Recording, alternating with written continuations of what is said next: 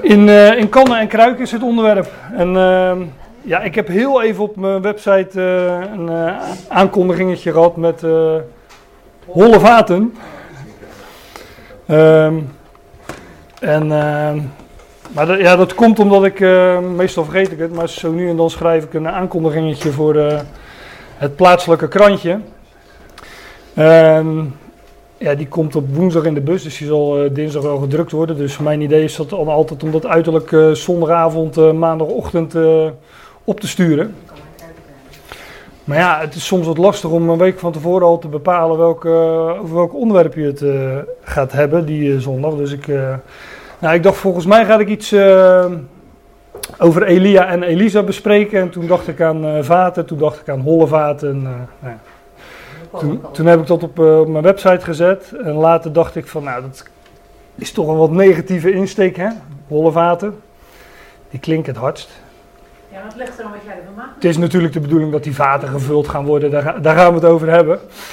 Maar ik dacht, het is natuurlijk nog zo'n ander spreekwoord uh, over uh, vaten of kannen en kruiken. En dat is in kannen en kruiken. En dat leek me heel wat beter te passen bij het evangelie dat wij kennen. Dus nou, dat heb ik er toen maar van gemaakt. Want ja, alles is in kannen en kruiken. Met de God die wij kennen. Dus uh, ook, al, uh, ook al lijkt dat er nu uh, misschien nog helemaal niet op. Dat gaat toch gebeuren. Maar daar gaan we het, daar gaan we het over hebben. Ik wilde het hebben over Elia en Elisa. Um, ja, dat zijn nogal uitgebreide geschiedenissen. En ik wil, ik wil eerst eens een, een aantal versen lezen. Uit 1 Koningen 17. Daar vinden we Elia. Ga je een beamen? Of? Huh? Ja, ja, ik ga een beamen, ja. ja. En ik excuseer mij alvast als ik uh, Elia en Elisa door elkaar haal. Dat kan ik bijna garanderen dat het gaat gebeuren, want die twee hou je makkelijk door elkaar, maar daar, daar komen we ook nog wel op. Maar ik zat van de week uh, mijn eigen blogjes, ik heb wel eens een paar blogjes over geschreven, mijn eigen blogjes nog eens na te lezen. Toen zag ik dat ik het zelfs in een blog een keertje door elkaar had gehaald, dus dat, uh, dat heb ik nu aangepast. En gisteren was ik een verhaal aan het vertellen met de kinderen over Elisa, de belegering van Samaria, misschien kennen jullie die geschiedenis. En toen had ik het dus ook twee keer over Elia. Waarop Fem zei, dit is nu al de tweede keer papa. dus uh, ja, jullie mogen me verbeteren, maar... Uh, ja, maar daar heb je kinderen voor. Ja, daar heb ik kinderen voor, maar die, die zijn er nu niet bij, dus... Uh, jullie kunnen nu de functie van het kind bekleden als je dat... als je dat belieft. Nou, we gaan eerst 1 Koningen 17 lezen. Daar vinden we het volgende. Elia en de weduwe van Zarfat. Maar dat is pas in uh, vers uh, pak een beet 8, 9. Maar ik wil wel de eerste versen even meelezen. Van uh, 1 Koningen 17. En Elia, de Tisbiet uit de inwoners van Gilead, zei tegen Agab: Zo waar de God van Israël, leeft, voor wiens aangezicht ik sta, er zal deze jaren geen dauw of regen komen, behalve op mijn woord. Daarna kwam het woord van Yahweh tot hem. Ga weg van hier, keer u naar het oosten en verberg u bij de beek Krit, die aan de overzijde van de Jordaan stroomt. En het zal gebeuren dat u uit de beek zult drinken. Verder heb ik de raven geboden om u daar te onderhouden. Hij ging dan op weg en deed overeenkomstig het woord van Jahweh. Hij ging wonen bij de beek Krit, die aan de overzijde van de Jordaan stroomt. En de raven brachten hem s'morgens brood en vlees en s'avonds brood en vlees en hij dronk uit de beek. En het gebeurde na verloop van vele dagen dat de beek uitdroogde, want er was geen regen in het land gevallen. Toen kwam het woord van Jahweh tot hem, sta op, ga naar Zarfat, dat aan Sidon toebehoort, en woon daar. Zie, ik heb daar een weduwe geboden om u te onderhouden. Vervolgens stond hij op en ging naar Zarfat. Toen hij bij de ingang van de stad kwam, zie, daar was een vrouw, een weduwe. Hout aan het sprokkelen. Hij riep tot haar en zei: Haal toch een beetje water voor mij in deze kruik, zodat ik kan drinken. Toen zij op weg ging om het te halen, riep hij haar na en zei: Breng toch ook een stuk brood voor mij mee. Maar zij zei: Zo waar Jawel uw God leeft, ik heb geen broodkoek meer, behalve een handvol meel in de pot en een beetje olie in de kruik. En zie, ik ben een paar stukken hout aan het sprokkelen. Zodra ik thuis kom, ga ik het voor mij en voor mijn zoon klaarmaken. Daarna zullen we het opeten en sterven. Maar Elia zei tegen haar: Wees niet bevreesd. Ga, doe overeenkomstig uw woord, maak, maar maak er eerst voor mij een kleine koek van en breng die bij mij. Maak daarna voor u en uw zoon iets klaar. Want zo zegt Jaweh, de God van Israël: Het meel in de pot zal niet opraken en in de kruik zal het aan olie niet ontbreken, tot op de dag dat Jaweh regen op de aardbodem geven zal. Zij ging en deed overeenkomstig het woord van Elia. Zo at zij en hij en haar gezin vele dagen. Het meel in de pot raakte niet op en in de kruik ontbrak het niet aan olie. Overeenkomstig het woord van Jahweh dat hij door de dienst van Elia gesproken had. Tot zover dan maar. Want het volgende vers zegt, en het geschiedde na deze dingen, dus daar begint dan echt een, eh, een nieuwe pericoop, een nieuw, een nieuw verhaal. Als, als, ze, als de vertalers van een pericoop hadden moeten maken, hadden ze het uh, na dit vers moeten doen. Maar aan de inhoud, het geschieden na deze dingen hebben we ook genoeg. Maar ik heb nu ehm, natuurlijk die geschiedenis van de weduwe van, uh, van Zarfat gelezen, maar ook het voorgaande. Uh, die eerste verse van Elia aan de beek Krit. En het valt misschien uh, niet zo op, want ja, we lezen gewoon een gedeelte hier uit, uit 1 Koningen 17. Maar dit um, is de introductie van Elia. Dit is de eerste keer dat hier uh, Elia ten tonele verschijnt. En hoe, hè, zou ik zeggen. Want uh, ik lees straks nog wel even rustig door, dan neem het nog wel even door. Maar hij valt hier wel met de deur in huis. Had geen uh, cursus gevolgd, hoe benader ik iemand tactisch. Maar hij kwam bij Agap en zei, zo waar als uh, wel leeft. Het gaat niet meer regenen totdat ik het zeg. Alsjeblieft. nou, dat is nog eens een binnenkomen. Um, maar hier vind je dus de, de introductie, het begin, de aanvang van de geschiedenissen van Elia. En daarmee uh, niet, niet alleen die van Elia, maar ook die van Elisa. Hoewel die nog even op zich laat wachten natuurlijk. Maar die twee, Elia en Elisa, ja, die worden altijd in. Uh, die worden vaak, laat ik het zo zeggen, in één adem genoemd. En uh, nou ja, ik haal ze nog wel eens door elkaar. Jullie misschien ook. Deze geschiedenis van de weduwe van Zarfat, die is uh, redelijk bekend. Maar ik hoop er nog aan toe te komen deze ochtend. een andere geschiedenis over Elia, waar het ook gaat. Uh, Elisa, daar ga ik al. Elisa, waar het ook gaat over uh, kruiken en olie. En um, nou, hun namen lijken al op elkaar natuurlijk. Hè? Elia en Elisa scheelt uh, bij ons maar uh, één lettertje. Um, maar ook in, in, in het Hebreeuws uh, lijken die namen ontzettend veel op elkaar. Elia betekent Eli is God en Ja is de afkorting van Yahweh. Denk aan namen als Zacharia, Obadja. Komen we heel vaak tegen in de schrift. Maar Elia betekent Yahweh is God. Of God is Yahweh. En Elisa betekent God is redder. Dus Elia, Jaweh is God. En Elisa, God, God is uh, redder. Nou, en die beide namen, Elia en Elisa, als je die samen trekt, dan uh, heb je, ja, God is Jaweh en Jaweh is redder. En dat, Jaweh is redder is de naam Jehoshua. En dat is uh, het Hebreeuws voor Jezus, de Hebreeuwse naam voor Jezus. Overigens is het ook nog zo, als je de uitgangen van de namen Elia en Elisa samenvoegt, dus de achterste twee helften van de naam, dan heb je ook echt Jehoshua achter elkaar staan. Dus de uitgangen van die namen vormen echt de naam van, uh, van Jezus, van Jehoshua. Nou, daarmee uh, is natuurlijk al duidelijk dat ze alleen in hun naam al iets vertellen van, uh, van Jezus, van Christus. Maar dat doen, ze, dat doen zij ook in hun daden, want ja, Elisa, Elia en Elisa zijn uh, belangrijke profeten geweest, weliswaar. Maar het belangrijkste van hun, uh, van hun, van hun eh, bestaan. Van wat zij eh, gedaan hebben, meegemaakt en wat, eh, wat eh, opgeschreven is voor ons tot lering.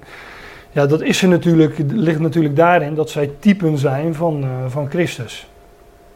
Nou, dat zijn ze al in hun naam, maar ook in hun, in hun woorden en in hun daden. En ehm, nou, daar gaan we het vanochtend maar eens over hebben, dacht ik zo. Ehm, ja, Elia en Elisa, je- we vinden ook nogal wat overeenkomsten in die geschiedenissen. Ehm, bij, bij beide, zei ik al, vind je een, eh, een kruikje met olie. Ook een weduwe vind je in, eh, bij beide terug. In die, in die geschiedenissen dus met de kruikjes en de olie, zoals we net gelezen hebben van de weduwe van Zarfat. Zo vinden we ook een geschiedenis bij Elisa. Ik zei al, daar hoop ik straks aan toe te komen. Vinden we ook een geschiedenis bij Elisa en dat gaat ook over een weduwe met een kruik met olie. We vinden een, eh, nou, in beide geschiedenissen raakt de olie niet op. Eh, we vinden bijvoorbeeld dat beide een, eh, een dode jongen opwekken. Het vervolg van deze geschiedenis in 1 Koningin 7. Kijk, en zo snel gaat dat, dus dat valt dan wel weer mee. Maar was ik gebleven? Elia en Elisa, beide een weduwe, een kruikje olie dat niet opraakt, een, eh, maar ook een dode jongen die opgewekt wordt. In het vervolg van deze geschiedenis in 1 Koningin 17 is dat de zoon van de weduwe van Zarfat. In, ik meen 2 Koningen 4 of 5, eh, de zoon van de Sunamitische. Ik noem dat maar, misschien eh, doet dat belletjes rinkelen bij jullie of lampjes branden. Beide splijten ook de wateren van de Jordaan. Elia op de heenweg, als hij nog met Elisa is. En Elisa op de terugweg, zonder Elia die daarbij is, want die is inmiddels met een, een vurige wagen ehm, ja, opgevaren. Het zijn allemaal eh, redelijk bekende geschiedenissen, denk ik zo. Ehm, en waar de bediening van Elia dus eindigt, bij de Jordaan, daar begint de bediening van Elisa. En we weten, denk ik, allemaal wel dat de Jordaan een uitbeelding is, het doorgaan door de Jordaan ook een uitbeelding is van het ingaan in de dood. Zoals in eh, tal van liederen weet men dat, hè, er wordt de doodsjordaan eh bezongen. Ehm, en daar eindigt de bediening van Elia en eh, begint de bediening van Elisa. En Elia zou je kunnen zeggen is dan ook meer een, een uitbeelding van, eh, van Jezus of van Christus in zijn vernedering. Of eh, grof gezegd in zijn eerste komst. En Elisa is een uitbeelding van Christus in zijn, in zijn verheerlijking. Dus in zijn, in zijn tweede komst. Dat is altijd heel globaal gezegd, hè, want we vinden ook gewoon bij Elia eh, vinden we echt wel aanwijzingen naar de verheerlijking eh, van Christus. maar ik weet niet hoe goed jullie die geschiedenis kennen van Elia en Elisa. Maar Elia was altijd op de vlucht, verworpen op de vlucht. Nou, we hebben het zojuist gelezen. Altijd eh, eh, ook aan het klagen. Hè, de, nou, op een gegeven moment zegt hij ook van neem mij maar weg heer, want ik ben de enige hier nog die over is. En, eh, nou, en dan zegt God van nou, dat denk jij, maar eh, ik heb er nog 7000 overgelaten. Woorden die Paulus overigens nog aanhaalt in, eh, in de Romeinenbrief. Maar Elia is dus altijd op de vlucht, altijd vervolgd, achterna gezeten. En Elisa is het toonbeeld van rust, zou je kunnen zeggen. De man is ontzettend relaxed. Nooit op de vlucht, zit altijd gewoon lekker in zijn huisje. En als er dan een eh, hoogwaardigheidsbekleder van uit het buitenland langskomt, dan eh, neemt hij de moeite niet eens om op te staan. Maar dan zegt hij wel tegen zijn knecht, eh, ga jij even naar die man toe en zegt dat hij zich zeven keer in de, in de Jordaan, weer de Jordaan, in de Jordaan onderdompelt. En dat eh, vond Naaman, die, die eh, vond dat niet zo leuk, hè? Want eh, die zegt van ja, ik dacht dat hij dit en dat zou doen en met grote woorden zou komen. Nu moet ik in die stinkrivier, eh, moet ik me onder gaan dompelen. Die was het daar niet mee eens. Maar Elia die stoort zich daar niet aan. Dat, het verhaal wat ik gisteren, wa- wat ik zojuist aanhaalde over de belegering van Samaria. Wat ik, wat ik gisteren met de kinderen doornam. Ja, dan is de hele stad in honger. Ehm, nou ja, er, vinden verschrikkelijke dingen plaats. Dat vind je ook allemaal eh, in 2 Koningen 6 is meen ik, vind je dat beschreven. En dan lees je dat Elisa, die zit daar in die stad en die zit daar gewoon in zijn huis. En eh, er komt een, eh, een koning langs. Nou, dan, staat hij dus ook niet op, maar dan, dan roept hij wat naar buiten. En dan laat de man niet eens binnen. Nou ja, het is allemaal een beetje vreemd. Zo'n beetje, eh, beetje apart. Maar dat contrast tussen Elia en Elisa. Van op de vlucht, vervolgd, eh, verworpen. En Elisa, ja, dat is wel echt heel duidelijk als je, als je die dingen leest. Dus Elia is een type van Christus in vernedering, zou je kunnen zeggen. En Elisa van eh, Christus in zijn, eh, in zijn verhoging. Vroeger op school dacht ik altijd, Elisa, Elisa is gewoon een beetje lui. Bij, als kind Ja, vind ik dat, zo zitten ze in mijn hoofd. Oh, die deed niet zoveel. nou, nou dat heb je dan... eh, Kinderen En die scholden hem uit en dan komen twee beren uit het bos. Ja. En, eh, ook, ja, dat is ook Elisa inderdaad. en Ja. eh, hij, eh, ja. Nou, dat heb je goed opgeslagen inderdaad. eh, de zondag. Maar zo is het wel een beetje. Hè? De Elisa. E- E- Eli, kijk, we- eh, overal waar wij beelden van Christus zien, daar ehm, zou je kunnen zeggen, daar zijn wij ook op een bepaalde manier inbegrepen. Maar wij leven toch ook in die rust. Wij leven toch ook, ehm, ja, weet je, eh, alles is in kannen en kruiken. God, eh, God, regelt het, dus eh, al lijken de dingen soms eh, ons tegen te zitten. Nou, het werkt toch mee ten goede, dus waar, eh, waar zouden we ons nou werkelijk druk om maken? Hij, eh, hij zorgt voor ons, hij, eh, nou, dat, dat is Elisa. Nou, en bij Elia is dat een beetje anders. Want ik wil gewoon eh, nu, nu even rustig, de- zojuist was het een schriftlezing zeg maar. En nu gaan we dus eh, de loep wat, eh, wat dichter op de verzen leggen. ik had de meeste al verteld dat ik ziek ben geweest en verkouden. Maar eh, zolang mijn stem het nog doet, neem ik af en toe een slok water, hoest ik een paar keer en eh, slaan we ons er wel doorheen, hoop ik. Tenminste, ik wel, maar ik hoop dat het voor jullie niet te irritant is. Nou ja. Jullie weten hoe je, hoe, je, hoe je weg moet, toch? De deur is daar, dus... eh, ja. We zijn er gewoon. En net als Elia kan je er ook gewoon vandoor gaan. Maar je mag ook blijven zitten. Nee, dit is dus de introductie van Elia. Er staat er Elia de Tisbiet uit de inwoners van Gilead. Tot zover de introductie, meer eh, horen we niet over hem. Zij tegen Agab. Dat was dus eh, de koning die we in het hoofdstuk hiervoor net even geïntroduceerd. Nee, dit is volgens mij ook de introductie van Agab. Misschien dat, nou ja, daar wil ik van afwezen, maar in ieder geval, eh, er wordt niet heel veel over Agab gezegd tot dit moment.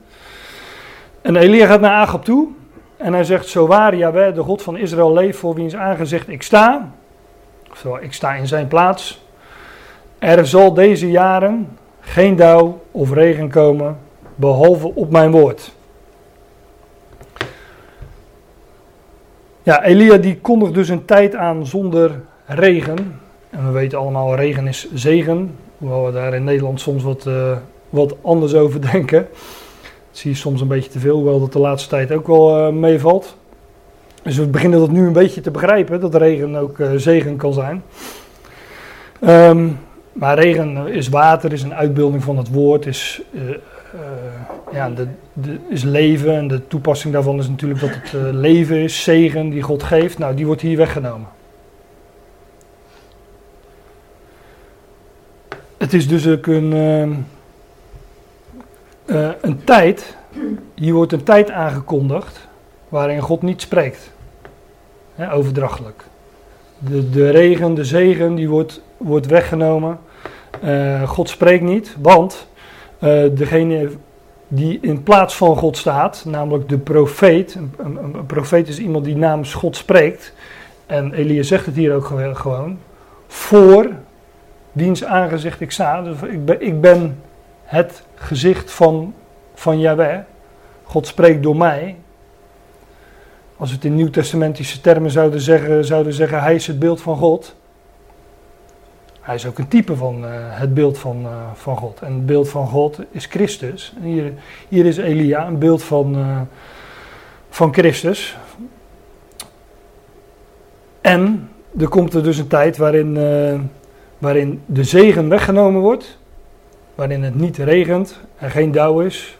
Het woord, want daar is water, daar is regen, daar is dauw een beeld van.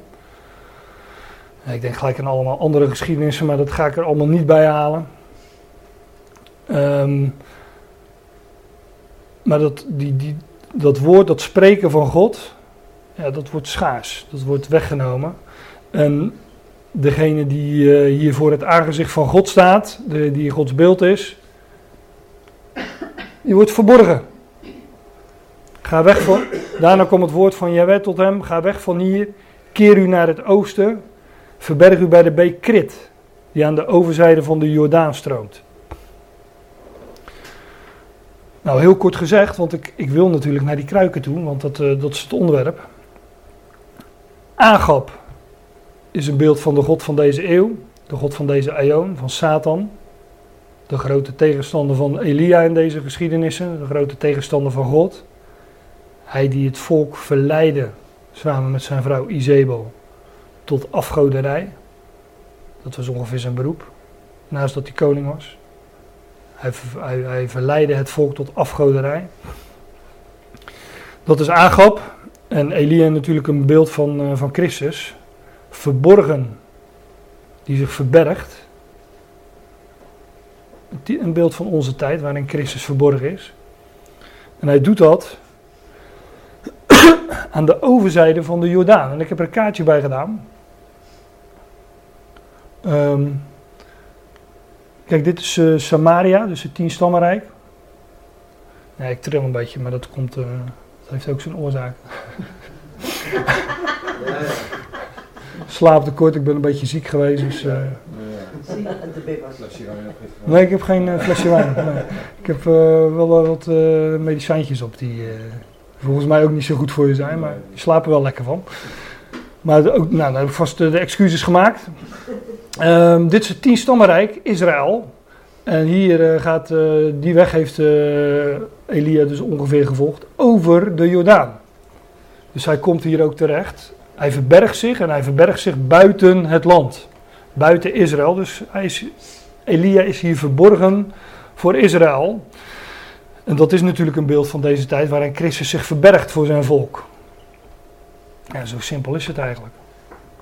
En hij doet dat aan de beek Krit. En Krit betekent volgens de handboeken afscheiding. Dus het is logisch dat hij zich verbergt aan de beek Krit en zich afscheidt en zich verbergt buiten het zicht van Israël. Afsnijding of afscheiding betekent krit. En dat is inderdaad aan de overzijde van de Jordaan. Dus hij moest eerst door de Jordaan die een beeld is van dood en opstanding. En na zijn dood en opstanding heeft de Heer Jezus Christus zich inderdaad ook verborgen voor zijn volk Israël.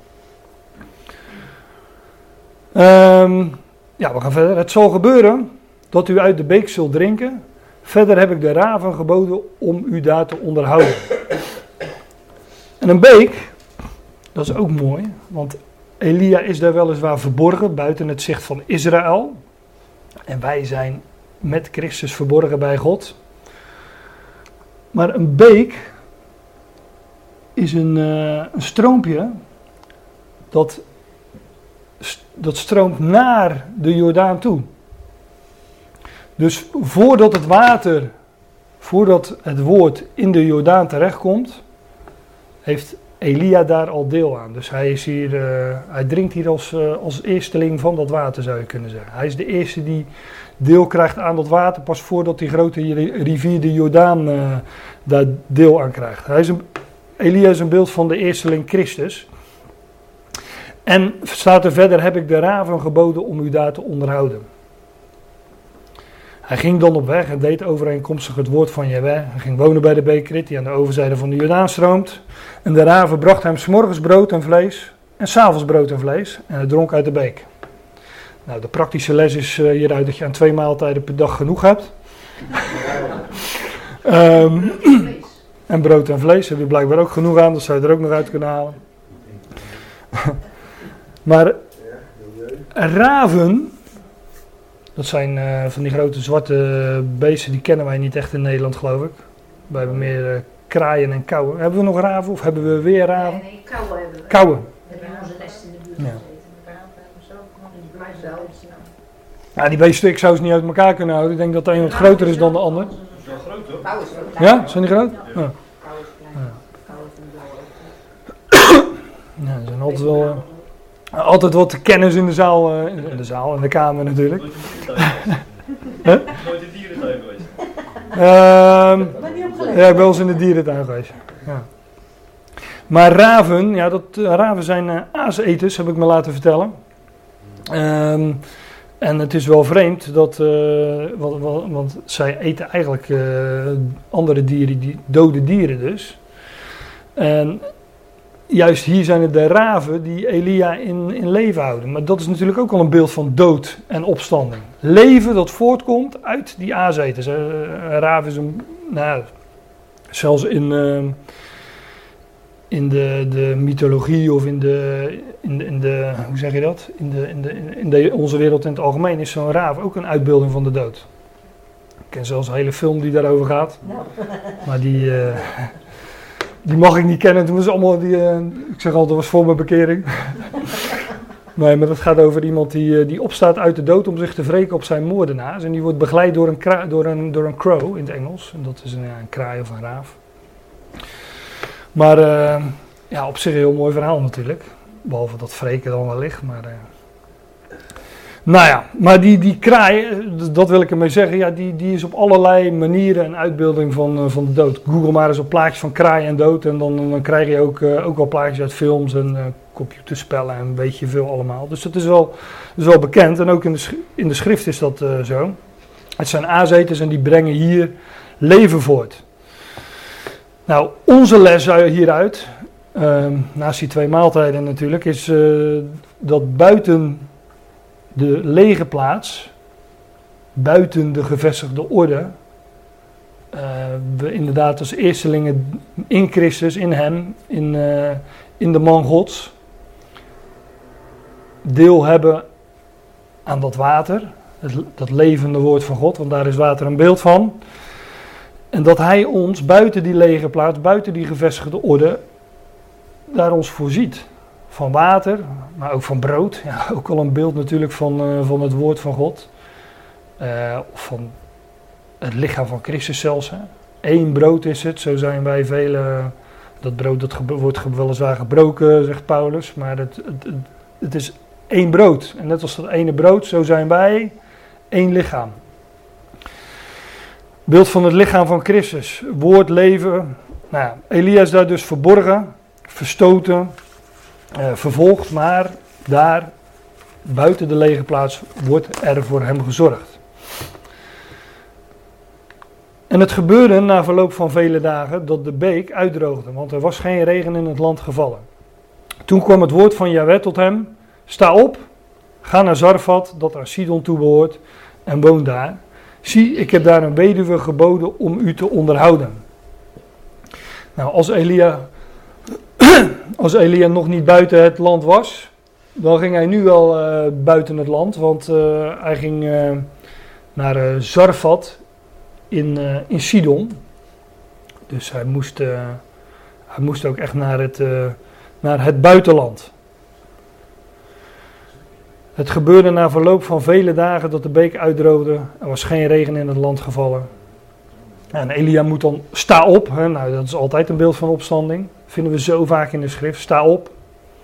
Of Jozua stond 's morgens vroeg op. Nou, als dat er staat, is altijd een, eh, een uitbeelding van de, de opstanding van Christus. Ehm, ehm, ja, als jullie statenvertaling hebben, zal hier wel staan: maak u op. Ja.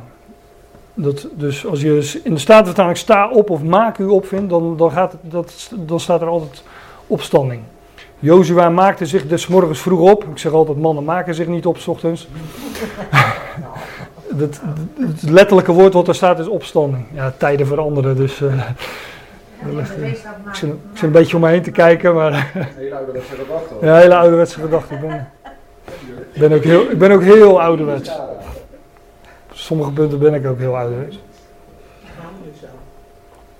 ja, we, we grijpen telkens maar weer terug op die oude schriften en dan halen we nieuwe dingen uit. Dus eh, sta op, ga naar Zarfat. Zarfat betekent zoiets als eh, zuivering of smelten van metalen. Heeft ook al met eh, loutering, en, maar ook met verdrukking te maken. Hè, zuivering of smelten. Het komt altijd tot stand door een bepaald proces, wat, wat het, de- ja, hoe zeg je dat? Wat scheiding maakt. Als je goud of zilver eh, smelt, dan is het de bedoeling dat de vuile elementen daar eh, uitgenomen worden. Nou, dat is ook wat, eh, wat God doet aan ons. En inderdaad, dat eh, doet hij buiten de lege plaats. Nou, hier gaat het over sta op, ga naar Zarfat, dat aan Sidon toebehoort, in het buitenland dus, en woon daar. Zie, ik heb daar een weduwe geboden om u te onderhouden. En een weduwe in de schrift is altijd een beeld van Israël. Een weduwe is zij van wie de man overleden is. Dat is een weduwe. Ehm, en we vinden dat bijvoorbeeld eh, beschreven in eh, Romeinen 7. Het is maar een voorbeeld, want er zijn eh, vele voorbeelden uit de schrift waar gesproken wordt over weduwen. Maar de gedachte in de schrift is dat Yahweh met zijn volk getrouwd was. Yahweh was met Israël getrouwd onder dat oude verbond. En er was een, eh, een trouwakte, de wet, het oude verbond. Er was een huis, het huis Israëls, het land, eh, land van Israël waar het eh, volk in woonde. En er worden dus ook eh, termen gebruikt dat, die gaan over, een, over, over, over het huwelijk. Ehm, en nou, later staat er dat, dat de man gestorven is. En dus is het volk als zodanig weduwe geworden. Bijvoorbeeld in Romeinen 7. Of zijn jullie onwetend, broeders? Ik spreek tot wie de wet kennen. dat de wet heer is van de mens, zolang hij leeft. Want een vrouw die onder de man is, is door de wet, die huwelijkswet dus, want het is natuurlijk ook een wet. Want een vrouw die onder de man is, is door de wet aan die levende man gebonden. Maar als haar man sterft, is zij ontheven van de wet van de man.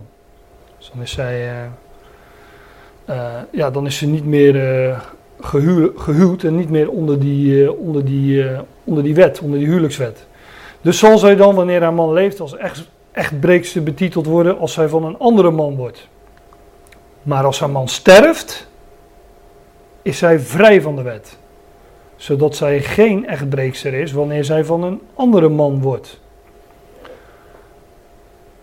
Zodat, mijn broeders, ook jullie werden te dood gebracht. Dat is de toepassing van Paulus. Aan zijn lezers die de wet verstaan. Hè? Dat zei ik spreek tot jullie, eh, ik spreek tot wie de wet kennen, zegt hij in Romeinen 7. Zodat, mijn broeders, ook jullie werden ter dood gebracht voor de wet door het lichaam van Christus om van een ander te worden. Namelijk van hem die uit de doden wordt gewekt of opgewekt. Het idee is heel kort gezegd dat God in zijn zoon, in zijn beeld naar deze aarde kwam en dat men in zijn zoon, dat het volk Israël in die zoon de man doodde. Dus de man was gestorven. En Christus stond op uit de dood. Dus het volk Israël is nu vrij, zeg maar, om, want zij is, eh, de man is overleden, zij is vrij om een ander te trouwen. En dat is, eh, staat hier, hij die uit de doden wordt opgewekt. Dus als we dan daar is natuurlijk veel meer over te zeggen, maar ja, ik doe dat vrij snel. Maar duik daar maar eens in met een, uh, met een concordantie. Als er dus gesproken wordt in de schrift over een weduwe, ja, dan is dat zij die de man had, maar niet meer heeft. En dus een beeld van, uh, van Israël. Dus zo ook de weduwe van, van Zarfat. En ik hoop dat dit voor nu even genoeg bewijs is. Maar ja, daar valt wel heel veel over te zeggen, over deze. Over de, dit, dit verhaal van dat huwelijk en dat huwelijksverbond. Maar wij gaan terug naar 1 Koningen 17. Ehm, vervolgens stond hij, dat is Eli, ah, Elia, stond op en ging naar Zarfat. Toen hij bij de ingang van de stad kwam, zie daar was een vrouw, een weduwe, hout aan het sprokkelen. Nou, dat had hij kunnen verwachten, want dat had God gezegd dat hij daar een weduwvrouw zou uh, treffen. En die vrouw is hout aan het sprokkelen en hij riep tot haar en zei: Haal toch een beetje water voor mij in deze kruik. Eindelijk die kruik, zodat ik kan drinken. Nou, dat doe ik dan ook maar.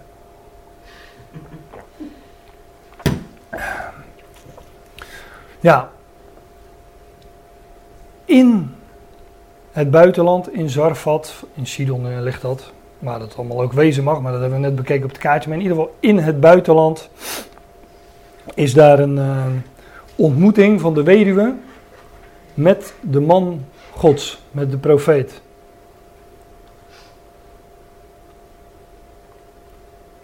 In deze tijd, dus, ook dit is natuurlijk een uitbeelding van onze tijd.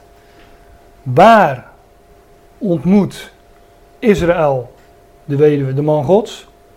Nou, dat is onder de natie. In het buitenland. Daar waar je hem wellicht niet zo zou verwachten. Maar dat is een plaatje van onze tijd. Hij is, Christus is nu onder de natie, dat zegt Paulus ook. Christus onder jullie natie, zegt Paulus in Colossense 1. Nou, wil de vrouw een ontmoeting hebben met de man Gods, dan gebeurt dat buiten, dan gebeurt dat buiten het land. Ook uh, buiten de poort toevallig. Ja. Ja, ook nog buiten de poort, ja. ja. ja. Dat toeval bestaat niet. Ik weet niet of dat toevallig is, Fred. Maar. Ja. Valt nog. Ja, en wat, wat is die vrouw daar aan het doen? Zij is daar hout aan het sprokkelen. Dat is wel leuk, de Statenvertaling heeft die lezen, houtlezende. En lezen, dat, dat eh, ehm, ja, verzoeken of verza- de sta- herziene Statenvertaling heeft denk ik verzamelen. Of zo, of de MBG heeft verzamelen. Maar hout verzamelen, of eh, kijk, lezen is in principe ook verzamelen. hè. Als wij, Ja, maar je haalt een bepaald soort eruit. ja, ook dat. was er een zaadhandel en dan deden vrouwen thuis om geld te verdienen bonen lezen.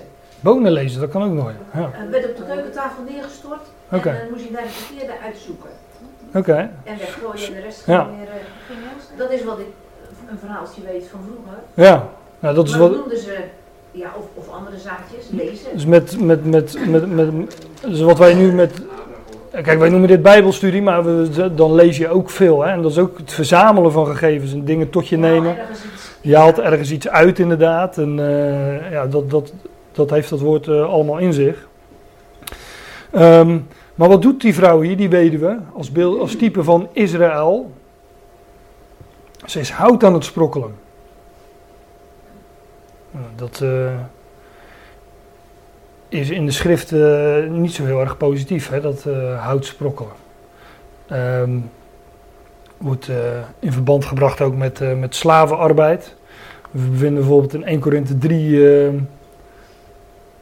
deze, deze tekst, 1 Korinthe 3 vers 12. Ja, dan gaat het over bouwen, dan wordt het, ehm, de, wordt het beeld van, een, eh, van het bouwen van een gebouw gebruikt. God die ook zijn tempel bouwt, hè? maar hier gaat het over bouwen op het fundament. Het fundament is Christus, zegt Paulus. En je kunt bouwen op dat fundament met goud, zilver en kostbare stenen. Of met hout, gras, of hout, hooi en stro. En verderop in dit hoofdstuk legt hij uit dat datgene wat stand houdt, is datgene wat stand houdt tegen het vuur. En dat is hout, gras en stro niet. Dat is goud, zilver en kostbare stenen. Dat houdt stand. Bouw je daarmee, dan is dat blijvend. Maar bouw je met hout, gras en stro, hout, hooi en stoppelen, dan, eh, dan verbrandt dat. dat, dat- en dat, ja, dat is een, ook een uitbeelding van de werken van de wet. En deze vrouw is hier hout aan het sprokkelen. Israël onder de wet, op, op zoek naar hout. Maar het is allemaal vergankelijk. Ehm, dat, dat, dat, dat, dat, dat wordt ook wel duidelijk straks. Want hij riep tot haar en zei: Haal toch een beetje water voor mij in deze kruik, zodat ik kan drinken. Is dat even. Israël, de weduwe, een beeld van Israël. Water, een beeld van het woord. Hun zij de woorden van God toebetrouwd. Dus Israël zou inderdaad dat water putten. Zij zouden naar de bron gaan. Natuurlijk, alles wat ik zeg is dubbelzinnig. Hij heeft een dubbele zin, een dubbele betekenis. Israël zou naar de bron gaan, zou daar water putten en zou dat uitdelen. Zij, hun waren de woorden Gods toebetrouwd, zegt Paulus in Romeinen 3. Zij zouden verkondigen de deugden van Yahweh, vinden we in, de, in het Oude Testament. Dat is de taak van Israël. Nou, dat gaat zij hier doen.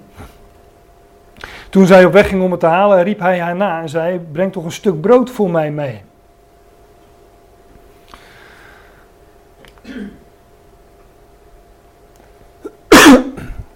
maar zij zei: Zo waar Jawel uw God leeft, ik heb geen brood of broodkoek meer, behalve een handvol meel in de pot en een beetje olie in de kruik.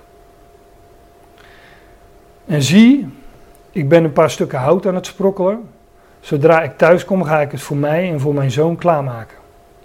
Daarna zullen we het opeten en sterven.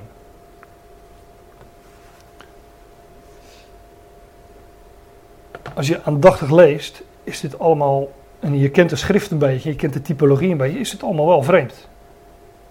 Zij had, ze had een kruik, zoals in staat om water te halen. Ze had geen, uh, maar ze zegt ik heb geen brood meer, ik heb geen broodkoek meer. Maar ik heb nog wel een handvol meel, klein beetje meel dus. Ook nog een handvol. Israël als huilsorgaan, de hand, Israël was de hand gods. Waardoor, um, ja, waardoor de volkeren uh, inderdaad de naam van Jehovah zouden horen. En ze heeft nog een beetje olie in de kruik. Nou, allemaal in de schrift hele positieve zaken. Water, meel, Meel is natuurlijk uh, brood in wording. Um, olie, allemaal uitbeeldingen van leven, van het woord van God. Maar zij heeft het wel, maar ze zegt: Ik ben hout aan het sprokkelen. Wat ook een beeld is van, uh, van de wet, van, van werken, van het zoeken van vergankelijke dingen. En zodra ik thuis kom, ga ik het voor mij en mijn zoon klaarmaken. Daarna zullen we het opeten en sterven. Maar de bedoeling, is, de bedoeling van eten is dat je leeft. Maar zij zegt, ik zal, we zullen eten en sterven. Maar dit gaat gewoon over de wet. Dat is inderdaad het is woord van God. Het heeft wel wat leven in zich. Maar uiteindelijk is het een uh, bediening van dood. Bediening des doods. Hier staat overigens, ze was op zoek naar twee stukjes hout. Dus dat, ook, dat heb ik er even uitgelegd. Om te laten zien dat, dat, uh, dat, dat, dat, dat ook dat maar weinig was. Ze had maar heel weinig hout nog nodig om dat laatste beetje klaar te maken. die twee ook niet, uh, de twee stenen? Ja, daar zou het mee te maken kunnen hebben. En een handvol, kan je dat uh, woord eruit lichten? Ja, dat kan ik wel. Maar er staat ook inderdaad een, uh, een handvol. Een volheid van handpalm, letterlijk. Volheid. Ja, dus een, uh, een, hand, een handvol. Ja, dat, dat heeft met genade te maken, die vijf. Inderdaad. Dus ze had heel veel eigenlijk, maar ze had, het, uh, ze had dat niet door. Ja, en die twee stukjes hout, dat zou nog. Uh, daar zou, daar zou wellicht ook nog wel meer over te zeggen zijn. Maar inderdaad, ze had de, de, de, de, de hand. De, hand heeft vijf vingers, dat spreekt van genade. Maar de hand heeft. De, de, de, de hand is ook de jot in het Hebreeuws. En dat is weer. Uh, die heeft weer een getalswaarde van 10. Die letter jot. Want de, de, de jot is een letter, dat betekent, dat, betekent let, dat betekent hand. En die heeft een getalswaarde van 10. En dat is natuurlijk weer ook een uitbeelding van de woorden van God. Dus zij had de, de tien geboden, de, de tien woorden Gods. Zij had het woord, ze had genade, ze had olie, ze had meel. Maar ze zegt van uh, het is niet genoeg. We zullen het eten en sterven. Het is een uitbeelding van de wet. Want de wet is een bediening des doods. Het is woord van God inderdaad, maar het spreekt van dood en verderf, zou je kunnen zeggen. De wet is een bedieningendood, zegt Paulus in 2 Korinthe 3. totdat, totdat zij een ontmoeting heeft, die weduwe, als beeld van Israël onder de wet, met de man Gods. Want hier staat, maar Elia zei tegen haar, wees niet bevreesd. Kennen we ook, hè, het schrift. Vrees niet. Het is altijd God die dat zegt. Wees niet bevreesd. Ga, doe overeenkomstig uw woord, maar maak er eerst voor mij een kleine koek van en breng die bij mij. Maak daarna voor u en uw zoon iets klaar. Want zo zegt Jaweh, de God van Israël, het meel in de pot zal niet opraken en in de kruik zal het aan olie niet ontbreken, tot op de dag dat Jaweh regen op de aardbodem geven zal. Zij ging en deed overeenkomstig het woord van Elia. Zo at zij en hij en haar gezin vele dagen. Het meel in de pot raakte niet op. In de kruik ontbrak het niet aan olie. Overeenkomstig het woord van Jehovah dat hij door de dienst van Elia gesproken had. Dus dat waarvan zij dacht dat het niet toereikend was, hè, dat beetje olie, dat beetje meel, wat daar in die kruik zat, ja, dat, dat, dat raakte niet op. Toen zij een ontmoeting kreeg met de man Gods. En die wet is inderdaad een bediening des doods, zegt Paulus in 2 Korinthe 3. Het spreekt ook van dood. Hè? Als je die boeken leest, Exodus, uh, waar die wetten worden gegeven. Exodus, Leviticus, ja, daar vinden we allerlei, uh, ja, zelfs bloederige offers. En als je dat leest, dan komt dat heel macaber over. Maar wanneer je gaat zien dat het spreekt van de man Gods, van Christus, als je een ontmoeting hebt gehad met Hem, en je hebt dan dat woord wat maar zo weinig leek, wat maar een handvol meel is en een beetje olie in de kruik. Als je dat hebt, ja, dan uh, heb je alles. Want in die wet, in het oude verbond, spreekt alles van de man Gods. Spreekt alles van Christus. En dan, uh, ja, dan kun je inderdaad koeken blijven bakken, hè, brood blijven bakken. Dat levert zoveel woord op als, uh, als maar nodig is. Brood, olie, water. Ik kom er straks uh, na de koffie nog wel op terug, want daar is het ongeveer al tijd voor. Maar wanneer je Christus kent en je. Bla, ja, dat zijn we nu aan het doen. Hè. We gaan nu terug naar dat Oude Testament. We lezen een schitterend verhaal natuurlijk. Maar het is niet alleen maar een schitterend verhaal. Het spreekt van de man Gods. En die, die leven geeft. En uh, die, die, die, uh, die ons vult. Ja, het kan voor ons gevoel maar een beetje zijn, maar het is altijd, uh, het is altijd genoeg. We kunnen, daar, we kunnen daarvan uitdelen. En het zal niet opraken. Olie raakt niet op, de meel raakt niet op. Het woord van God kunnen we uitdelen. We kunnen elkaar daarmee uh, opbouwen, maar elkaar daarmee voeden, elkaar daarmee blij maken. En ehm, nou, het raakt niet op, zeg ik. Sterker nog, dan word je zelf meer door gevuld. Want zo werkt het uiteindelijk. En zo, uh, zolang de man Gods bij haar was, raakte die olie niet op. En hadden zij ook, hè, want er staat er zo als zij en hij en haar gezin vele dagen. Dus ze hadden gemeenschap met elkaar. Rond dat brood en die olie en, de, en, en, en het water en uh, rond de, nou, dat zie je hier op het plaatje. Ze zaten aan dezelfde tafel. Zo hebben wij gemeenschap met Christus. En um, zo is daar uh, buiten de lege plaats, inderdaad in het buitenland, uh, is daar de man Gods. En uh, ja, ook voor dat Israël wat onder de wet leefde, daar zouden zij het moeten zoeken. Daar mogen ze het zoeken, daar is de man Gods. En daar blijkt dat beetje wat waarvan ze denkt of dacht dat het zou leiden tot de dood, dan geeft het leven. Overvloed van leven zelfs. Um, even kijken of ik uh, er doorheen ben voor de pauze.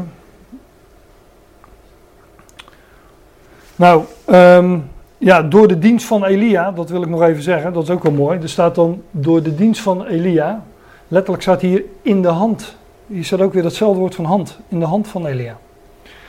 Dus God deed dat door de hand, in de hand van, uh, van Elia. dat is dus de typologie. En natuurlijk, na de pauze ga ik wat meer inzoomen op, eh, op die kruik. Want wat is een kruik in de schrift? En waarom vinden we die zo vaak? En ehm, nou, een kruik is natuurlijk uh, aardewerk. Het is een, uh, en dat zeg ik nu alvast, het is een beeld van de mens. Ook wij worden gezien in de schrift als aardewerk. Een kruik, dat is de grote overeenkomst tussen mens en een kruik. Een kruik is gemaakt van aarde, aardewerk. Wij zijn ook gemaakt uit het stof. God formeerde Adam uit de stof van de aardbodem. Nou, dus we zijn allemaal, uh, wij zijn allemaal kruikjes. En we moeten gevuld. En we moeten gevuld, want het is niet de bedoeling dat wij holle vaten blijven, Nee. uh, Leni. Niet alleen maar toch. Dus daar gaan we het na de pauze over hebben. Wij gaan weer verder. We gaan nu uh, uit andere vaatjes stappen. Daar heb ik natuurlijk heel de pauze over na kunnen denken, over die, uh, over die opmerking. We gaan uit een ander vaatje tappen. Um, nou, ik, ik, wil gewoon uh, ter illustratie. Ik, ik, ga zo nog naar uh, Elisa. Dat lukt wel. Uh, ter illustratie een paar geschiedenissen doornemen waarin het ook over kruiken gaat. En er zijn er nog wel meer, maar met een concordantie vinden jullie die, die zelf ook wel. Maar ehm, het is wel goed om er, om er eens een paar te laten zien.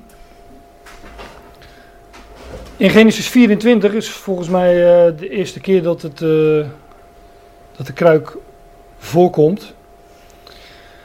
Daar is het uh, de knecht van Abraham, die van zijn heer op zoek moet gaan naar een, naar, naar een vrouw voor zijn zoon Isaac. En dan zegt die knecht tot God, zie ik sta bij deze waterbron. En de dochters van de mannen van de stad komen om water te putten. Laat het zo zijn dat het meisje tegen wie ik zeg: Laat toch de kruik van uw schouder zakken, zodat ik kan drinken. En dat zal zeggen: Drink en ik zal ook uw kamelen te drinken geven. Dat zij het meisje is dat u voor uw dienaar Isaac bestemd hebt. Nou, dan uh, sla ik een paar versen over. En zaten zij haastte zich en goot haar kruik leeg in de drinkbak. En liep snel weer terug naar de put om water te putten. Zij putte voor al zijn kamelen. Ook hier een, uh, een vrouw. Um, en die, uh, ja, die vrouw is Rebecca. En zij, uh, zij put water en doet dat niet alleen voor de knecht van voor de knecht des heren, voor de knecht van de Heer, Abraham, maar, maar ook voor, voor de kamelen. Nou, en uh, ik, ik, ik, ik geloof maar dat, uh, dat, moet ik natuurlijk heel kort doen. Ik geloof dat dit een beeld is van, uh, ook weer hier een vrouw, hè, Israël. Door wie in de toekomst de volkeren gezegend zullen worden. En inderdaad, zij zal, zij zal het putten van water, hè, dat water uit die bron halen, is, is, ja, dat is gewoon een beeld van het het woord van God, hè, dat, dat, dat uit de bron uh, komt. En zij uh, als, uh, als type van Israël, zij deelt dat uit en zelfs aan, aan alle kamelen. Als beeld van, van, de, van de volkeren. En zij trouwt dan ook later met Isaac. En Isaac is het zaad van Abraham. Isaac als beeld van Christus. En het huwelijk tussen Isaac en Rebecca, ja, dat is een uitbeelding van, we hadden het net over dat oude verbond, wat een, uh, een huwelijksverbond was. Maar dat nieuwe verbond zal ook weer een huwelijksverbond zijn.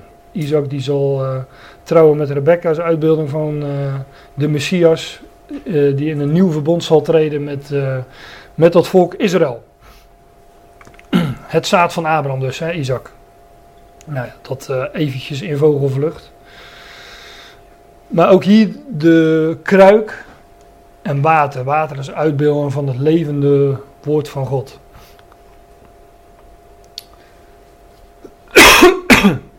Dit is een geschiedenis uit uh, Exodus 16, waar, uh, uh, waar het volk Israël uitgeleid is uit Egypte, waar zij eh, stenen bakten, tichelstenen, als uitbeelding van de slavernij onder de wet. Ze werden uitgeleid uit die slavernij. En ze kwamen in de woestijn. Waar het niet regent, zoals bij eh, Elia. En ehm, daar eh, zorgde God voor ze. Daar zorgde God dat er eh, nou ja, water uit de rots kwam, bijvoorbeeld. Maar ook dat, er, dat het manna regende. En toen de Israëlieten dat zagen, namelijk dat manna, uit de voorgaande versen, zeiden zij tegen elkaar: Wat is dat? dat is wel leuk, dat woordje, zoek er maar eens op. Dat, wat is dat? Dat is het eh, woordje manna. Dus manna betekent eigenlijk, huh? wat is dat? Hier staat gewoon het woordje manna. Wat is dat? Volgens mij staat het er in de Statenvertaling, hebben ze er, weer, hebben ze er geen vraag van gemaakt, maar een... eh, eh, het is man, ja, Ja, zoiets. niet Ja, ja, het is man. Hè. Ja, het is, wat is dat? ja, En wat is dan wanneer, hè? ja, dat gaat ergens anders over, eh Leen. Daar hebben we het dus ook een andere keer over. Of misschien wil jij dat een keer toelichten. Nee wat is eh, dat, manna? Want zij wisten niet wat het was. Mozes zei tegen hem, dit is het brood dat Yahweh u te eten gegeven heeft. Dit is het woord dat Yahweh geboden heeft. Ieder verzamelt naar wat hij eten kan. Nou, nu is het zo dat in de... Hier staan dan eh, leestekens. Hier staat een punt en hier een eh, dubbele punt. Maar die leestekens die staan er natuurlijk helemaal niet in de oorspronkelijke tekst. Dus ik had zoiets, nou, als zij leestekens neer mogen zetten, mag ik dat ook. Dus ik draai dat even om. Ziet u? De dubbele punt eh, zet ik hier en de punt zet ik dan hier. En eerst stond de dubbele punt hier en de punt daar. Want het een, dit is het brood dat Yahweh u te eten gegeven heeft. Ja, dat is letterlijk zo. Maar de uitleg is, de, de dubbele zin de zin die daarin ligt, hè, het zijn dingen die andere beduiding hebben, zegt eh, Paulus in Galaten. En, hun- die dingen, en in Korinthe zegt hij, die dingen zijn hen overkomen voor ons tot voorbeeld. Dit is het brood dat Yahweh u te eten gegeven heeft. Namelijk, dubbele punt, dit is het woord. Dit represente- representeert het woord dat Yahweh geboden of geïnstrueerd heeft. Dat manna, is gewoon een uitbeelding van het woord van God. Net als brood dat ook is. Dat, dat geeft ons leven. Brood is leven. En eh, brood is een uitbeelding van het woord. Eh, dus een, uitbeelding van het levende woord van God. Geef ons heden ons dagelijks brood. Ja, dat hebben we dagelijks nodig. En daardoor viel dat mannen ook dagelijks eh, voor, eh, voor Israël. En altijd genoeg. Dus altijd genoeg. Ja, en we vinden die, want daarom heb ik deze vers afgedrukt. We vinden later, is dat later? Ja, dat is later, meen ik. Ja, ja. Later vinden we in de beschrijving van de tabernakel beschreven dat daar de ark van het verbond was. In het heilige der heiligen. Ik kan zeggen, daar hebben we het wel eens over gehad, maar daar zullen de meesten van jullie toen niet bij geweest waren. Eh, eh, maar we hebben ik, heb, ik heb wel eens bijbelstudies gegeven over die tabernakel. Maar die ark van het verbond is in al haar facetten een uitbeelding van Christus. Hè, met goud overtrokken, alles was daar goud in het heilige der heiligen. Maar in, of bij die ark van het verbond, ehm, waren, lagen drie dingen. Die werden daarin bewaard. De stenen tafelen, die tien geboden, zo te zeggen. De staf van Aaron die gebloeid had. Ook al uitbeelding van leven uit de dood. Hè. Die dode staf die kwam tot leven. Ja, en de kruik, een kruik met manna. Die werden daarin bewaard. Nou, natuurlijk ook een. eh, de manna als uitbeelding van, eh, van dat woord van God in die, in die kruik. En die kruik is weliswaar breekbaar, maar eh, zoals wij ook breekbaar zijn en vergankelijk. Maar we zijn we worden bewaard, ons leven is met Christus verborgen in God, zegt Paulus in Colossense 3. Nou, daar is dat kort gezegd de uitbeelding van. Dus hier gaat het om eh, brood of manna wat in die, kruik, eh, in die kruik is. En zij moesten ook verzamelen in hun kruik het brood dat Yahweh u te eten gegeven heeft. Ja, inderdaad, dat is het woord dat Yahweh u geboden of geïnstrueerd heeft. Dat zouden we tot ons nemen. Daar zouden we ons mee vullen, zoals ook die kruiken gevuld werden.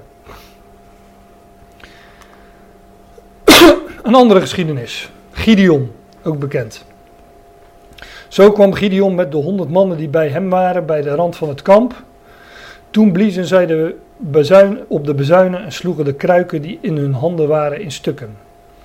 Zo bliezen de drie groepen, hè, want zijn er drie keer honderd, 300. Zo bliezen de drie groepen op de bezuinen en braken de kruiken. Met hun linkerhand hielden zij de fakkels vast en met hun rechterhand de bezuin om daarop te blazen. Nou, hier worden dus. Uh, ik ga er gewoon vanuit uh, dat jullie deze geschiedenis kennen. Zo niet dan. Uh, lees het. Ja, lees het even door. Maar hier um, is het.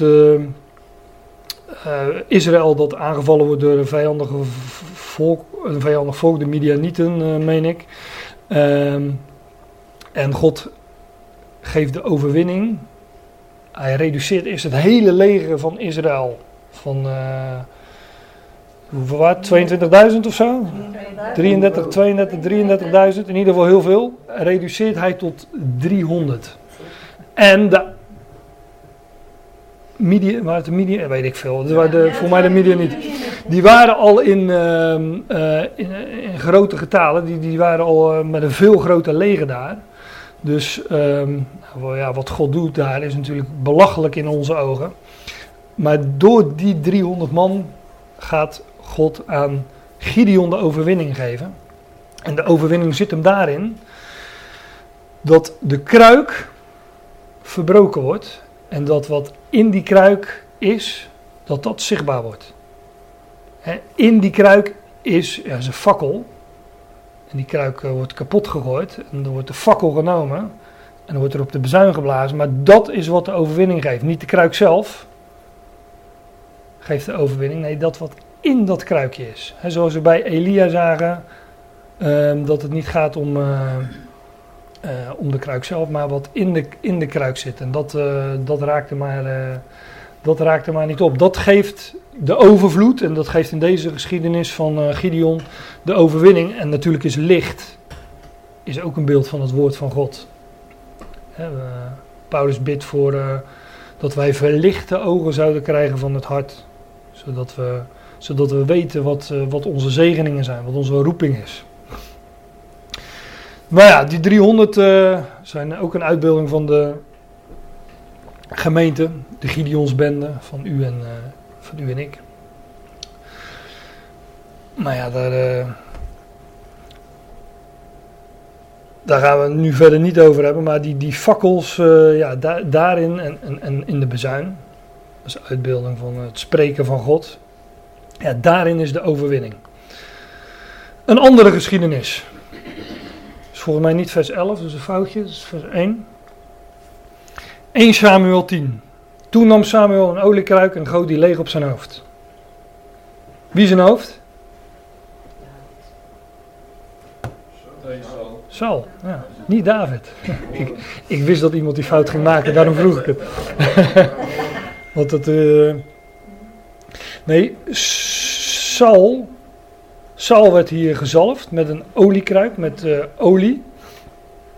En. Um, als, als uitbeelding, kijk, een kruik is een vergankelijk, uh, een vergankelijk ding. Hè? Zoals wij ook uit, de, uit het stof gemaakt zijn en ook vergankelijk zijn. We zijn tot stof, uit stof gemaakt en we zullen tot stof wederkeren. Nou, die kruik bij Gideon werd kapot gegooid. En hier wordt um, Sal met een uh, kruikje olie gezalfd als uitbeelding dat zijn koningschap van voorbijgaande aard was. Vergankelijk namelijk. Want hij was uh, nauwelijks gezalfd of uh, de volgende koning werd al gezalfd. Dat is vrij snel hoor, want um, we vinden dat in, dit is 1 Samuel 10 en in 1 Samuel 16 vinden we dat David wordt gezalfd. Ja. Toen zei de Heer, ja wij is dat, dat heb ik niet aangepast. Toen zei de Heer tegen Samuel, hoe lang rouwt u om Saul die ik immers verworpen heb? Zes hoofdstukken later al. Zodat hij geen koning over Israël meer zal zijn vul uw hoorn ja. met olie en ga.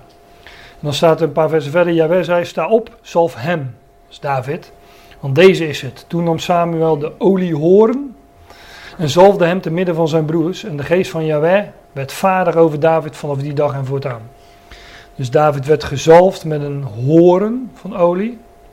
En uh, ja, een hoorn is een, uh, een uitbeelding sowieso van koningschap in de schrift. Tien hoornen die je gezien hebt zijn uh, tien koningen, vinden we in openbaring. Maar zo'n, die kruik als beeld van de vergankelijkheid, inderdaad, daar zat, daar zat olie in.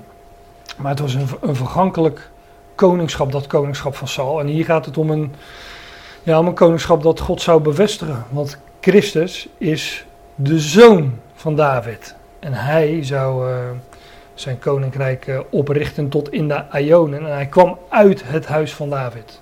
Hij komt uit het huis van David. Dus daar, uh, en olie ja, als uitbeelding van, van de geest. Ehm, ik zit te denken, oh, daar kom ik straks nog wel op bij Elisa. Olie komt bij ons uit de aarde, maar in de schrift uit de lucht. Namelijk, er worden olijven geplukt. En die worden, ja, daar, daar wordt de olie uit, uh, uitgehaald. Olijfolie. Olie in de schrift is olijfolie. En dat is op alle mogelijke manieren een beeld van Gods woord, Gods geest. Daarom werden daar ook koningen mee gezalfd. Profeten werden mee gezalfd. Een zalving, het Hebreeuwse woord voor zalf is, uh, of gezalfde, is Mashiach. Dus koningen, profeten werden tot Messias gemaakt door middel van olie. Nou, uitbeelding van onvergankelijk leven. Ik had er nog eentje, geloof ik. En op de derde dag, Johannes 3, was er een bruiloft te Cana in Galilea. En daar waren zes stenen watervaten neergezet. Jezus zei tegen hen: Vul de watervaten met water. En zij vulden ze tot aan de rand. Kruiken, watervaten worden gevuld met water. En uh, dan lezen we. La, daarna, hij zei tegen hen: Schep er nu iets uit en breng het naar de ceremoniemeester. En ze brachten het. Toen nu de ceremoniemeester het water geproefd had dat wijn geworden was, riep de ceremoniemeester de bruidegom en hij zei tegen hem: Iedereen zet eerst de goede wijn voor. En wanneer men er goed van gedronken heeft, daarna de mindere. U hebt de goede wijn tot nu bewaard. Dat kan ik, uh, ook deze geschiedenis kennen jullie natuurlijk allemaal, maar hier worden vaten, kruiken gevuld met, met, met, met water. Het woord van God. En dat blijkt op de derde dag, wanneer de bruiloft tot stand komt, het huwelijk tot stand komt. Uitbeelding van het nieuwe verbond, dat in de toekomst op de derde dag bij de Heer is één dag als duizend jaar en duizend jaar als één dag, zegt Petrus. Maar op de derde dag zal daar de bruid, Israël, haar bruidegom ontmoeten. En dan zal water wijn blijken te zijn. En wijn is een uitbeelding van leven, nieuw leven. Ja, daar valt natuurlijk heel veel meer over te zeggen. Maar we houden het bij de kruiken uh, vandaag. En uh, nogmaals, ja, een andere keer gaan we wel weer uit andere vaatjes stappen. Want ik wil nog even, dat, dat doe ik echt maar even, even toch nog naar die geschiedenis van Elisa. Maar dat kan ook vrij snel, omdat we nu uh, het voorwerk al gedaan hebben, zeg maar. Elisa en de, de olie van de weduwe. Of zoiets. staat er tenminste, in mijn Bijbel staat er boven de olie der weduwe. Um, ja, we gaan gewoon die geschiedenis even doorlezen. Een vrouw, een van de vrouwen van de leerling-profeten, riep tot Elisa om hulp en zei: U dienaar, mijn man is gestorven.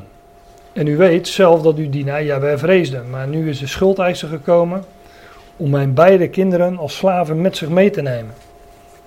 Elisa zei tegen haar: Wat kan ik voor u doen? Vertel mij wat u in huis hebt.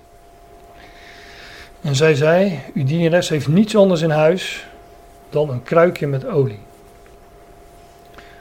Toen zei hij: Ga heen en vraag voor u buitenshuis kruiken van al uw buren, lege kruiken, laat het er niet weinig zijn. Ga dan naar binnen, sluit de deur achter u en achter uw zonen. Giet vervolgens olie in al die kruiken en zet weg wat vol is. Zo ging zij bij hem vandaan, sloot de deur achter zich en achter haar zonen. Die gaven haar de kruiken aan en zij goot de olie erin. En het gebeurde, toen die kruiken vol waren, dat zij tegen haar zoon zei: Geef mij nog een kruik aan. Maar hij zei tegen haar: Er is geen kruik meer. Toen hield de olie op te stromen. Zij kwam en vertelde het de man Gods. En hij zei: Ga de olie verkopen, betaal uw schuldeis. En wat u en uw zonen betreft, u kunt leven van wat overblijft. Ja, nou dat is dus uh, de geschiedenis vrij kort van Elisa. Ook hier weer een kruikje met olie en ik loop gewoon de versen even door. Een vrouw, een van de vrouwen van de leerling profeten, riep tot Elisa om hulp en zei: Udina, mijn man, is gestorven. Dus die, ook die vrouw is weduwe. ook, ook, dus als uitbeelding van het huis van Israël, waarvan de man uh, gestorven is. Udina, mijn man, is gestorven en u weet zelf dat Udina Jaweh vreesde. Maar nu is de schuldeiser gekomen om mijn beide kinderen als slaven met zich mee te nemen. Ja, ook een beeld van, uh, van, van, van Israël onder de wet. Schuld. Slavernij. Uh, ja, oordeel. Er zouden schuldeisers komen en ze zou uit huis worden gezet. Allemaal dubbelzinnig natuurlijk. Want die vrouw is een beeld van Israël. En Israël werd uit, uh, zou uit huis worden gezet. En er was een schuld. En, er was veroor en de wet is een bediening van veroordeling. Dat is ook 2 Korinthe 3. Elisa zei tegen haar: Wat kan ik voor u doen? Vertel mij wat u in huis hebt. En zij zei: Uw dienares heeft niets in huis. Behalve dan alleen een kruikje met olie. Ik heb dat uh, even aangepast naar de grondtekst, omdat het er echt zo staat. Uw dienares heeft niets in huis, zegt ze. Nou ja, nou ja, behalve dan nog een kruikje met olie. En olijfolie is dat, hè? Dat, dat, dat, noemde ik net al. En dat komt van de olijfboom. Van de olijven. Die olijfboom. Um, kijk, olijfolie is, in, dat is sowieso heel gezond, hè? Dat, uh, dat weten we tegenwoordig allemaal.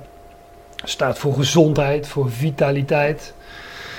Um, de olijfboom heeft een, uh, hoe noem je dat, een uh, regenererend vermogen. Die, eigenlijk is een olijfboom, gaat niet van ouderdom dood. Natuurlijk kun je zo'n boom omhakken, hij kan ziek worden, maar uh, uiteindelijk sterft zo'n ding niet van ouderdom, omdat hij zich regenereert. Maar regeneratie is ook, re is uh, her of opnieuw, en generatie is natuurlijk uh, wording. opnieuw, dat heeft met wedergeboorte en opnieuw geboren worden te maken. Nou, die boom is regen, regenererend, of regeneratief, hoe zeg je dat? Alles in deze schepping is vergankelijk, dus ook die boom zal uiteindelijk wel een keer sterven. Maar van zichzelf gaat zo'n ding niet dood en is dus ook een beeld van, uh, van, van leven, van onvergankelijk leven. En dat wat, uh, um, dat wat daaruit voortkomt, die olie, ja, is dan ook een uitbeelding van, van dat nieuwe leven en van geest. En ik zei al, in de schrift worden profeten gezalfd, koningen. Uh, maar olijfolie wordt ook gebruikt voor, ja, voor fakkels, hè, om, om licht te geven. Olielampen, kennen we ook trouwens, de olielampen. Is dat ook niet met uh, kruiken of vaatjes? De tien wijzen, de vijf wijzen en vijf wazen dwazen, vijf wijzen en vijf dwazen maagden. Ik praat al lang. Dat, uh... Ja, die hadden ook olie in hun kruikjes. Um, nou ja, het is dus een uitbeelding van, van, van zalving. Er wordt mee gezalfd. Het, is het uh, het, en het,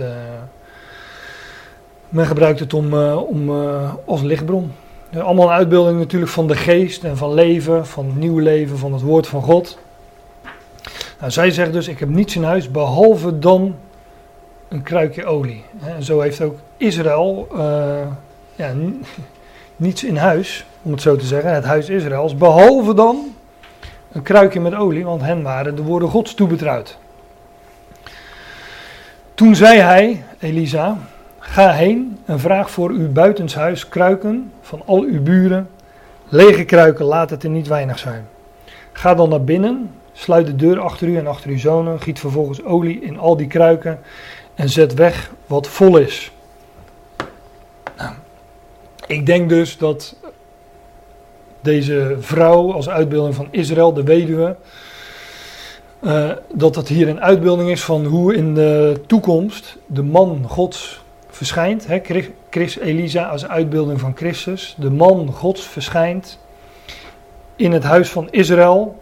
En dan zal blijken wat de werkelijke inhoud is van dat woord, wat zij al, nou, al duizenden jaren aan hen toebetrouwd was. Zij zeggen, nou het is, uh, ik heb alleen een beetje olie. Hè, ik heb niets behalve dan wat olie.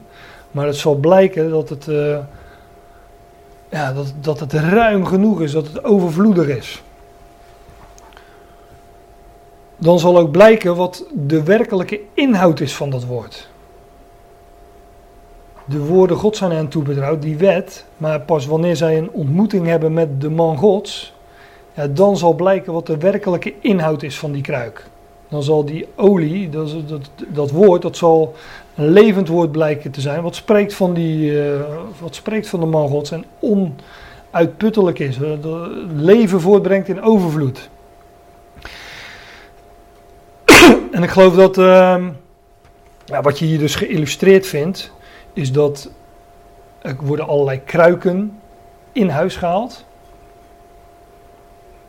En ik denk dat die kruiken gewoon een uitbeelding zijn van dat dit een plaatje is van de toekomst en dat die kruiken een uitbeelding zijn van de volkeren der aarde. Ik bedoel, een kruik kan een individu zijn, maar de volkeren der aarde, is ook, dat is ook aardewerk. En die kruiken, ik denk dat die kruiken hier een uitbeelding zijn van de volkeren der aarde. Die in het huis zullen komen. Of naar het huis zullen komen en daar zullen gevuld worden. Door die weduwe. Die een ontmoeting heeft gehad met de man Gods. Als beeld van Israël. We lezen in de we lezen in het Oude Testament dat in de toekomst de volkeren zullen optrekken naar Israël, naar Jeruzalem of naar de tempel. Ja, en dat zij daar uh, gevuld zullen worden met, uh, met, met, met de woorden Gods. Ik heb twee voorbeelden. Het zal geschieden dat al de overgeblevenen van alle heidenvolkeren die tegen Jeruzalem zijn opgerukt, van jaar tot jaar zullen opgaan om zich neer te buigen voor de koning. Jaweh van de legermachten, de heren der Escharen, en om het Loofhuttenfeest te vieren. Dus de volkeren zullen komen tot Israël en Israël zal dat doen waarvoor zij door God al in het verleden apart gezet was. Hun waren de woorden Gods toebetrouwd, ja, niet om dat voor zichzelf te houden. Dat deden ze wel, maar dat was niet de bedoeling. Hun waren de woorden van Gods toebetrouwd om te verkondigen de deugden van, van God, de, de deugden van hun God. Om daar de, de de volkeren der aarde, om daar de volkeren mee te bedienen. En om zijn naam bekend te maken onder, uh, onder alle volkeren. En dat zal in de toekomst alsnog gebeuren.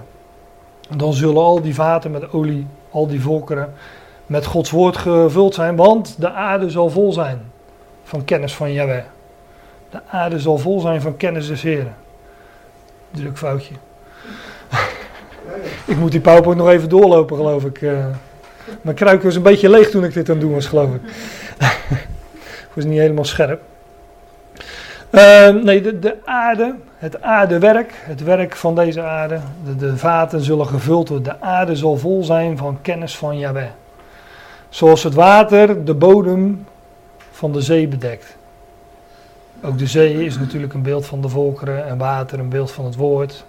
Zie hoe al die dingen door elkaar lopen en elkaar telkens weer uh, bevestigen. Zo ging zij bij hem vandaan, sloot de deur achter zich en achter haar zonen. Die, geven, die gaven haar de kruiken aan en zij goot de olie erin. En het gebeurde toen die kruiken vol waren. Ze werden allemaal gevuld, de aarde werd vol van de heerlijkheid van, ja, vol met olie, vol met zegen, vol met leven, vol met licht. Het gebeurde toen die kruiken vol waren dat ze tegen haar zoon zei, geef mij nog een kruik aan. Maar hij zei tegen haar, er is geen kruik meer. Ik denk dat ze alle 70 gevuld waren. Maar dat staat er niet, maar dat, dat denk ik dan als ik dat lees. kijk, een praktische toepassing hier uithalen. Dus als, als je het praktisch gaat lezen, denk je van ja, dat is toch niet handig, hè, al die kruiken in huis. Als ze niet beter, uh, zoals bij Elia kunnen doen, dat het kruikje gewoon bleef stromen, dan heb je dat getopt niet met al die, uh, met al die kruiken in je huis. Ja, maar er moest geld komen. Je kon natuurlijk geen stap meer zetten in het huis, hè, met al die kruiken daar. Maar inderdaad, er moest geld komen. De losprijs moest betaald worden. Toen kwam en vertelde het, zij kwam en vertelde het de man Gods. En hij zei, ga de olie verkopen, betaal uw schuldeisen. En wat u en uw zonen betreft, u kunt leven van wat overblijft. Olie spreekt dus van het woord van God en spreekt ook van de losprijs.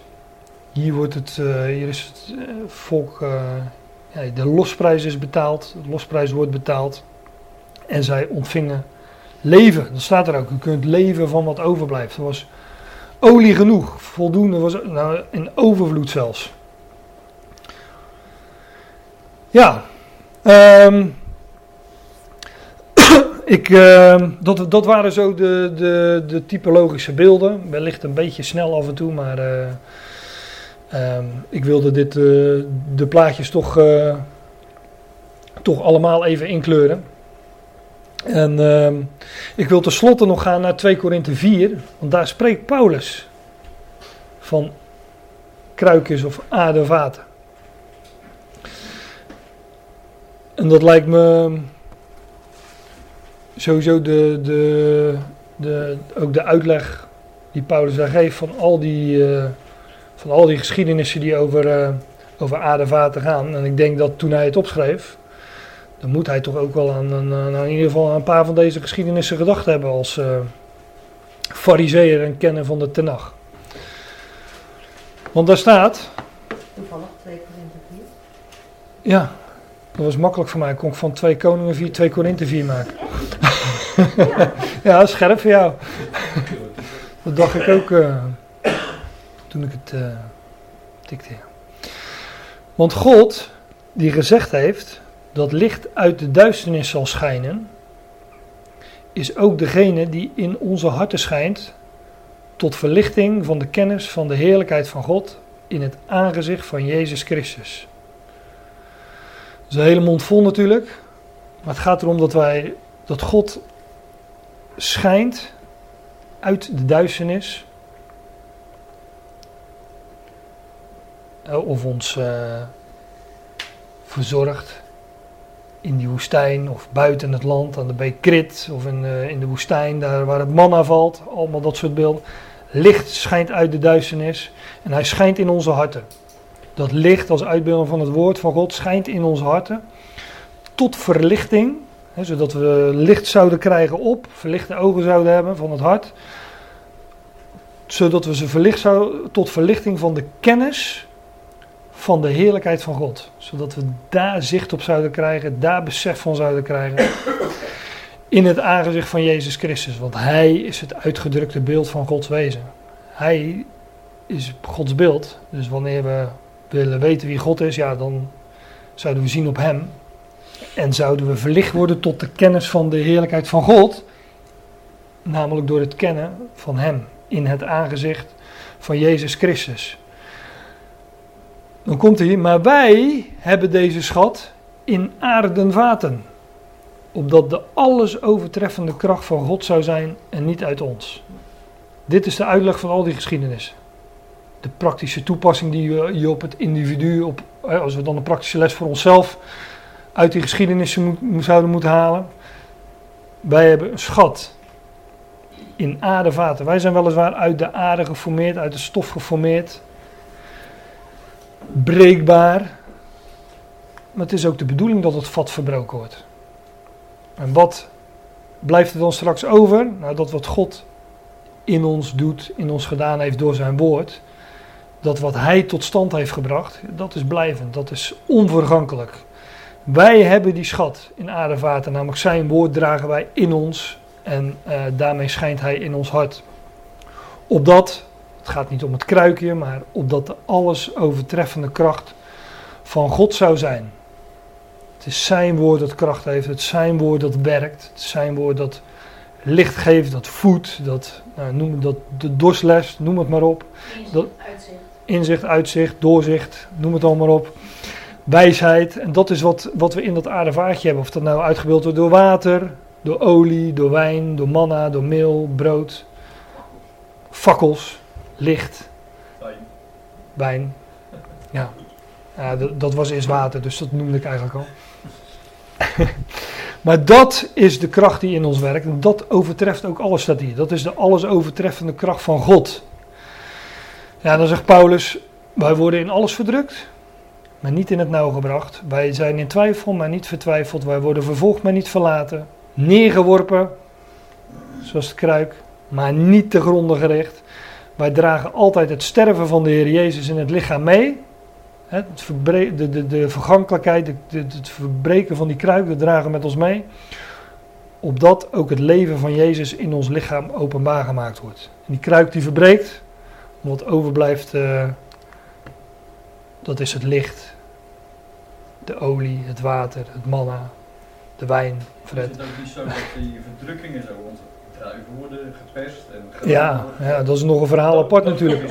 Alles wat je in die, krui- alles wat je in die kruiken vindt, eh, olie, dat wordt tot stand gebracht door persing. Uitbeelding van, eh, van, van, van verdrukking natuurlijk.